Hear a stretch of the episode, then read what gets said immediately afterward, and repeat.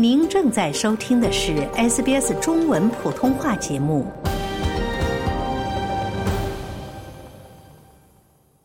听众朋友，欢迎您收听 SBS 电台的中文普通话节目，我是林默。中国呢有一句老话是说做一件好事不难，但是难的是一辈子做好事。那今天呢坐在我们演播室的嘉宾 Rufina Chen 呢，可以算得上啊是做了可以说是大半辈子的好事了，还没到一辈子。是的，是的。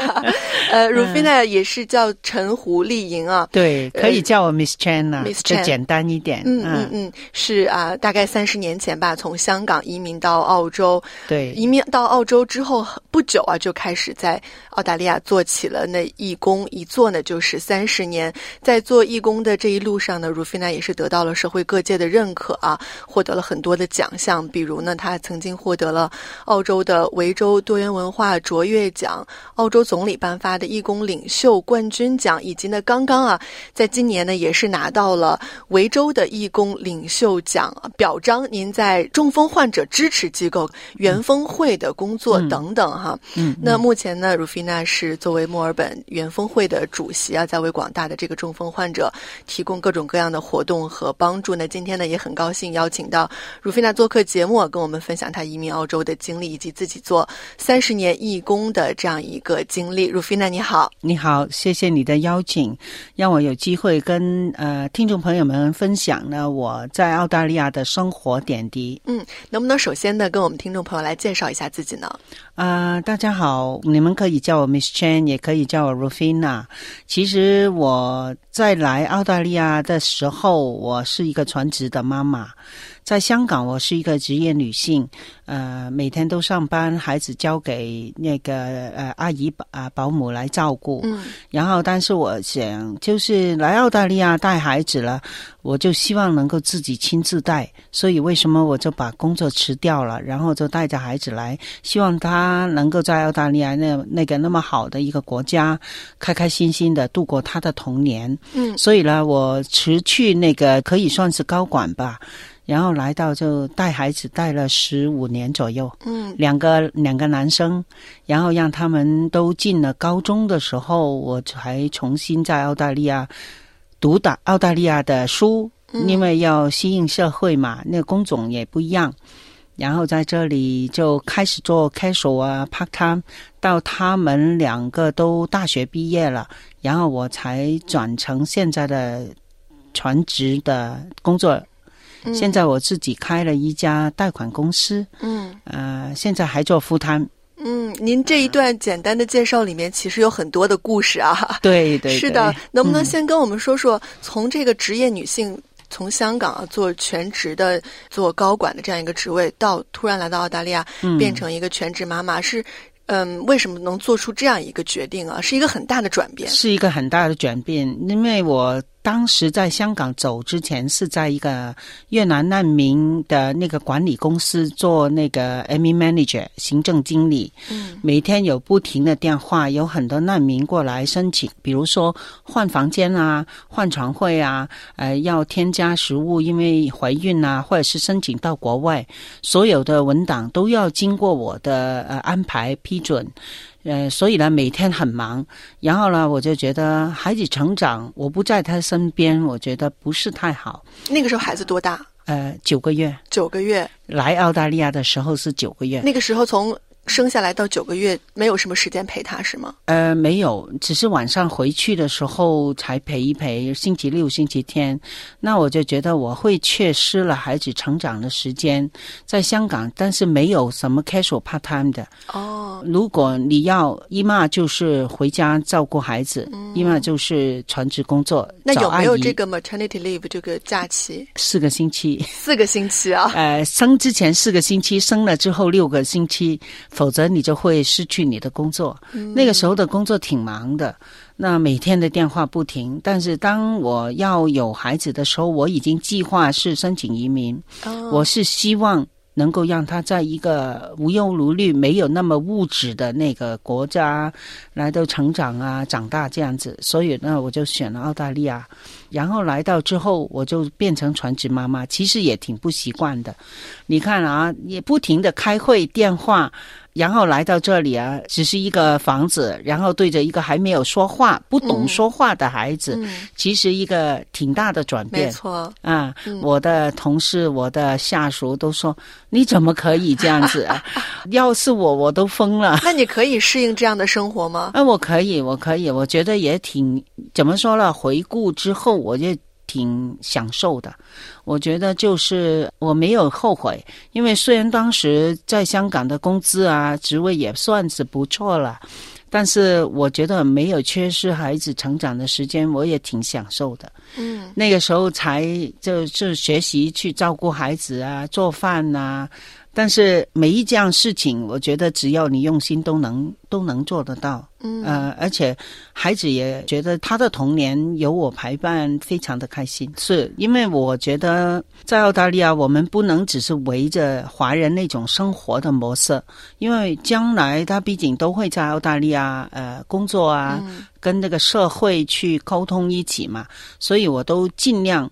他们的同学会他的生活模式是怎么样？我尽量就是让他们过差不多的生活，因为毕竟我们是华人，当然不能少了，就是我们那种呃生活模式，比如说呃过年呐、嗯啊，他需要有家庭团聚的那个概念啊，呃，他要知道自己是中国人啊，这样子、嗯我都会保留了，不不持呃保持一样了。嗯嗯嗯。那刚来到澳洲之后啊，自己带着一个九个月大的这个宝宝，有没有想过去找工作，或者是做一些其他的事情，充实一下自己的生活？毕竟跟之前在香港的这个节奏差得很远啊。对，呃，其实我没想过找工作，因为很幸运，我先生的收入还不错。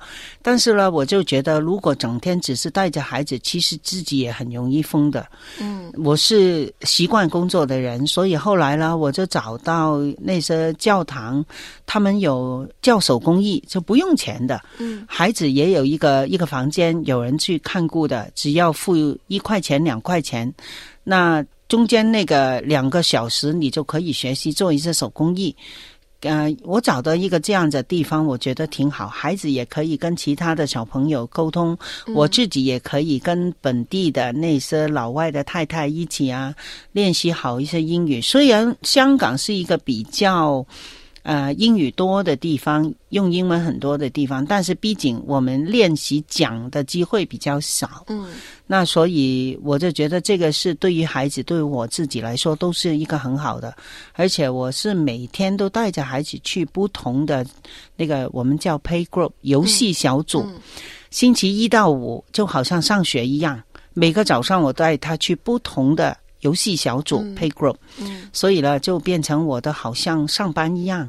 嗯那自己也有一个可以见人的机会，孩子也有跟人家适应，以后进幼儿园的时候，他也容易就不会呃很害怕这样子了。嗯，所以听起来这个生活也是很充实的啊。对对嗯，即使是没有啊、再走到这个职场，那是什么样的这个机缘巧合让您走上了做义工的这个道路呢？嗯，就是因为去学习那个做手工艺，那个时候我才发现，原来自己学习手工艺也是蛮有天赋的。抱歉啊，自己夸自己，因为嗯，可能当时的英语说的没那么好，所以呢就听的比较多，那自己就用心做。因为老外呢，最主要就是收手。就是要谈话，所以他们就做得很慢。但是我们香港人做事的效率还是蛮高的，而且因为毕竟都有文化差异，嗯他们说的笑话你不懂笑，所以我就很用心去去做，做的比他们快，也做的比较多。人家做一份，我就做两份、三份。那后来我就觉得，如果我要多一点练习讲话，或者是怎么样，而且我觉得他们那种做做手工可以改良一下，所以我就想，我可以自己举手做义工老师啊。嗯嗯嗯，那就是这样开始了做义工那个方向了。哦，那他们也很欢迎，就是有人去举手去义务教。那当你教的时候，你不是可以不停的讲吗？嗯嗯那对于我练习英语的时候，也是一个很好的一个机会，嗯而且也让自己可以多跟人家沟通，不只是听了。这样走起了那个义工之路。所以做义工不仅仅是帮助别人，在帮助别人的时候，也帮助了自己啊，没错，锻炼了自己的这个英文水平。嗯嗯，那除了这个教大家做手工的这样一个义工的工作之外，后来又经历了哪些做义工的这个呃呃事情，可以跟我们分享一下吗？好，那后来呢，我就听说有一些人可以去看望那些老人院的孤独老人家，那我就去登记了一个机构，叫 MS。呃，well-being 的那个是一个一个挺大的一个机构，他就会问你，你希望能够跟一个老太太还是一个老爷爷去做朋友啊？怎么？他就跟你配对。嗯，那我就配对了一个老太太，呃，在我家附近。那时候我跟他每次去了，我们也必须要呃登记啊，你陪伴他多久啊？这样子，这样让我就发现。在澳大利亚的老人家其实挺孤独的，嗯，很多时候他们的孩子都不是在本省，不在维州，可能在那个另外一个省啊，悉尼啊，或者是黄金海岸啊，甚至在美国啊、英国都不一定。所以呢，整天只是一个人，挺可怜的。其实也是。那我配对那个老人家，后来。也挺好感情了，比如说有时候我把孩子也带过去跟陪陪他，嗯，你不需要跟他做什么，只是拉着他的手一起，然后看看电视啊这样子。比如说母亲节，我就买一枝花，买一个小蛋糕给他，那他每次看到我都很开心。我看得到，不需要说很多话，只是一个陪伴，已已经的很好。很可惜，我陪了他两年多之后。有一次我去看望他的时候，我发现他的房间清空了，那我就很慌了。我知道肯定出事了。嗯嗯。后来问他们，他们说去了医院，那我就马上买了一束花，然后去医院看望他。那个时候差不多是最后一次见他了。这个是在他的家吗？还是在老人院？在医院。他他之前去医院之前是在自己在老人院哦，在老人院啊。我不会喜欢去他们的家的，我觉得我自己的安全也是一个考虑。嗯，我是去老人院看望他们的。嗯，所以他的孩子全部都在王金海岸。哦，只剩下他在维州。嗯嗯嗯。然后那次我这最后一次见他，就是他已经送去医院了，他的女儿啊、儿子都在身边。这是我最后一次见这位老太太。呃，见完之后他就去世了。我其实这次之后我就没有再这样子探望那个老人院的老人家了。我觉得很很心疼。就感觉很很很坏，我我觉得怎么样，好像失去一个亲人这样子，所以后来我就觉得，如果只是看望一个陪伴一个老人家，那我就一个机缘巧合之下，就帮助一位马来西亚的太太，她成立了一个华人的中风会，嗯，那我就帮助她一起做，这样子就可以服务多一点的老人家，为他们带来。不一样的生活，我觉得这个更好，嗯，而且是自己华人嘛。呃，其实帮助他之前呢，就一个小插曲，就是我的邻居是一对老太太、老爷爷。是老外来的，嗯，我就看到，我说你怎么可以把花园弄得那么好，家里也那么干净？因为他们都是行动不方便的人，他们说不需要我们做的，政府会派人来。我说为什么那么好？原来是可以申请政府的找人来照顾。那我就想，我们华人的老人家很多都不懂哦，那我们就。不知道有这个渠道，不知道有这个信息，所以这个就当有朋友说起来，就有一个这样的成立一个华人的中风会。嗯，我第一个想到就是我要找一些相关的机构去帮助我们华人的老人家。嗯嗯，这个就是我们刚才提到的，您今年获得的这个奖啊，叫做维州义工领袖奖，就是为了表彰您作为元峰会，也就是中风患者支持机构，您作为这个机构的主席，来表彰您做的这样一个工作。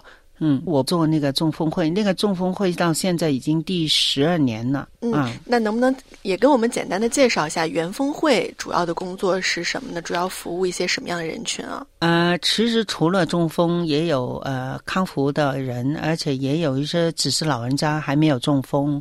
除了他们中风，我们希望能够有一个地方让他们呃。聚在一起，还有就是预防中风的信息也非常的重要。我们每个月的第三个星期六早上就会有活动，每个月，呃，到现在已经十二年了。呃，我们呃会邀请了很多不同的方面的人替他们做一个讲座，比如说律师，让他们知道财务应该怎么样安排是最妥当、最保障他们的安全。还有就是呃，我们会请那些嗯警察、家居安全讲讲解，还有就是消防官，就是呃防火怎么样，还有就是药剂师吃药的时候要关注什么这样子。嗯，还有就是跟他们做运动、玩游戏，庆祝他们每个月的生日。嗯，还有比如说圣诞节，我们开 party，还邀请了很多不同的志愿机构来表演给他们看，是一个 happy gathering，很快、很开心的一个聚会。大概有多少个人？一般参与的大概三十几、四十个，但是我们啊。本身的会员有大概八十个人左右，因为你知道吗？就是下雨啊、大风啊、天气不好，他们都不敢出门。有一些是生病了，所以呢，呃，不是每一次都全部会员能出席。嗯嗯嗯，那这些会员是不是在这个参加这个活动的过程中啊，也是非常的开心，能够和大家有这样一个是交流的机会？您刚才也讲到，在老人院居住的这些老人，其实他们是有很强的这个孤独感的。对对对，他们来到就是因为我自己成立了这个会之后，我也找了一班义工，我叫他们在做阳光队。嗯，因为我们希望能够给老人家一些温暖、一些希望。嗯，而且我的阳光队都是比较年轻的，而且让他们感觉得到，就是我们对他们没有嫌弃，这个是很重要。他们是不是在别的地方会遇到过这种被嫌弃的对？呃，有一个会员他说。他的先生是中风了，呃，流口水呀，或者是呃行动不方便，要坐轮椅，人家都不是太欢迎他。所以呢，每次他的先生在家里发脾气的时候，他就会说：“你发脾气，我就不带你去缘分会。”那他他就乖了。他说：“因为他们知道在其他地方他们不受欢迎的那个感觉，嗯嗯，但是我们就没有嫌弃他们。我们希望能够在这两个小时的活动里面给他们一些。”开心的时光，嗯，他们可能也会很期待啊。对他们也很期待。这个你知道，我们是十点半才才开始的，但是有很多会员，呃，九点多就到了。嗯，有一些也也要转两次车才能来到，有一些从那个深山来，Preston 来，呃，缅通来。那么远去到 Backburn，你想啊，转几次车？因为华人老人家很多都不开车，对，这是一个很重要的问题。他们都不懂开车，不不像这里的老外八十岁还开车。对，这我们的华人老人家很多都不不开车，所以呢，这个是。呃，对他们来说其实挺难的。一个是限制了他们的活动范围，对；另一个是让他们会觉得更加孤独。对，而且他们下雨啊，怎么家人也不允许他们出外了嘛？嗯嗯，就怕他们生意外嘛，有危险，有危险，所以我们也感到我们必须要把它做好，这样才能让他们那么辛苦转两次车来。让他们能够开开心心的有一个好好的回忆回家。嗯，那想加入元峰会的这个老人有一些什么样的条件吗？还是说每个人都可以啊？没呃，没有什么条件啊。我们都希望他们能够多一点，就是出来见人，因为毕竟人都是群体的群群体的群居动物。如果只是待在家里，他他就会胡思乱想，嗯，而且觉得自己很孤独。我觉得这个是帮助他们。开心一点，我都说了，他们不生病，开心，其实对家人也是一个帮助。没错，特别是对我们华人老人，在这个语言方面又有一些限制的这个情况下，可能更加需要这样一个平台，大家可以用自己的母语去结交。跟自己有同样背景的一些，或是呃有这个同样患病经历的一些朋友啊，那在元峰会的活动上，大家是不是也可以讲这个普通话或者是广东话？我们是双语，因为有广东人也有普通话的人，所以我们是双语的。广东人大部分都听得懂普通话，所以我们主要是用普通话讲，然后附带一点点广东话了。而且每个月我们都会寄寄那个生日卡给他们，因为有一些他们可能生病啊，或或者是回国来不了嘛。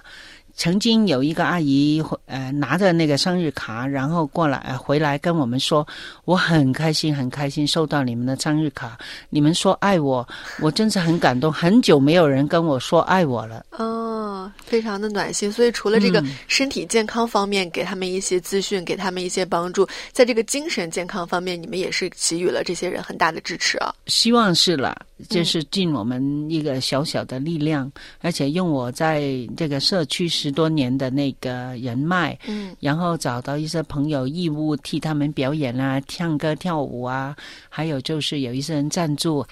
所以我在这儿也是感激我的阳光队，感激曾经帮助过我们会的所有的朋友。嗯嗯，听了您的这个讲述啊，从刚开始来到澳洲开始做这个呃义工，教别人做手工啊，到慢慢的去这个探访老人，然后圆峰会，您一直以来真的是很忙，日程应该都是排得很满的哈。怎么样？呃。一边照顾孩子，然后一边来做这些事情，包括您现在也有全职的工作。您刚才也介绍，嗯，怎么样来平衡这些事情呢？呃，还好，我现在的孩子大了嘛，嗯，所以我就可以呃，就专注我自己的事业。嗯，我就用下班之后的时间，还有星期六、星期天去做一些义工，安排义工的事。我觉得时间是自己去安排。我的感觉就是做了义工，让自己觉得其实很很安心，也很踏实的，爱去爱还。我觉得可能我习惯了在香港工作的时候是比较忙，multitask，可以一次过做很多事。比如说我现在啊，呃，我做元峰会啦，还有就是狮子会，我自己也是有职位啦。我也是 Springwell 亚裔工商协会的副会长，刚刚问他们做了那个春节活动。嗯，呃，我也是澳门会的副会长，呃，也在电台每个月都有讲播广东话、普通话。嗯嗯嗯，所以真的是很忙啊。那孩子小的时候呢？现在孩子大了啊。孩子小的时候，我什么都没做，只是做义工的义工呢，就只是去探望老人家。嗯，其他的我都没做，一直到他们高中。差不多到中学毕业，我才开始一步一步的，就是做不同的事。我觉得这个不影响我照顾家庭。嗯，他们会很支持你吗？啊，非常支持，我的家人也非常的支持。嗯，他们没有抱怨过吗？说没有，为什么不多花一点时间陪我们啊？啊，我已经陪了他们十五年了，他们大学就不需要我陪了，有女朋友陪了。做妈妈的任务已经完成的差不多了，差不多了。对了，嗯，差不多。那做义工这么多年，是不是也给您个人带来了一些呃满足感啊？是的，其实看到老人家笑，可能因为我很少父母就不在了，嗯，也没有看过，因为我们我们的呃祖父母都是打仗那段时间的嘛，所以我都没有。可能这样子就让我觉得，如果让我的会员那些呃阿姨叔叔他们开怀的、开心的，我觉得也是一个很满足的那个感觉。嗯嗯。啊，因为自己从来没见过祖父母嘛，嗯，还有就是父母也不在身边了嘛，所以我就觉得这个其实对我个人来说也是一个满足感。嗯嗯，就是他们让你找到了可能像家人一样的对对，而且他们家里种了什么那个无花果啊、菜呀，呃，都拿回来给我，所以我的我的感觉是挺温暖的。这就是您刚才讲的这个爱去爱还的这样一个感觉，对吗？对，不只是我给他们快乐，他们也给了我快乐。很多快乐和满足的这种感觉啊，对对，嗯嗯。那最后啊，呃，您觉得如何才能激励更多的这个年轻人啊，也投入到做这个义工的工作中去呢？我们是不是需要一些年轻的这样一些生力军加入到里面啊？呃，这个也是我觉得我做的比较好的一方面。抱歉啊，自己赚自己。呃，因为我的阳光队现在有十几个人，中间也有一些年轻的，有也是中年的。我希望用我自己的影响力，然后带多一点人进做义工的行业。每一个会里面如果没有一个传承，就那个会就会老化，几十年之后就没了。嗯，这个也是我拿到那个 leadership 那个领领袖奖的其中一个呃回报，因为我真的带了很多年轻人进两个会。嗯，就是也是因为你带了很多年轻人进来，所以拿到这个 leadership 的奖项，对吗？对，这个是这最重要的原因。那在邀请他们加入的这个过程中啊，会遇到一些阻碍吗？比如说，很多年轻人可能会说：“哎呀，我工作忙呀，或者我要带孩子呀，各种各样的理由啊。”有没有遇到这样？一一定有的。其实我都说了，时间分配是你个人的，有没有这个心啊？其实每个家庭都很多事情要做。嗯，我们不需要你有很很大的那个承诺啊，不需要很大的 commitment。你觉得如果比如说一个月才一次两个小时，不可能挤不出时间吧？嗯，看你的心。你觉得你自己付出了，你觉得开心的，你看到老人家开心，这个是最重要，是互动的。我觉得，嗯，对吧？如果你看去，哎呀，我啊去吧，去一次，这个不长久的，特别是义工，你不一定有奖声，不一定有人赞赏，而且也没有报酬啊，没有报酬，没钱的。我去做 part time，我有钱赚，对，但是这个要你怎么看那个事情。你觉得你值得，你自己做了，你自己开心，那你就你都会想办法。这个，哎呀，我要把这个时间腾空出来，我去我去帮忙一下，这样子。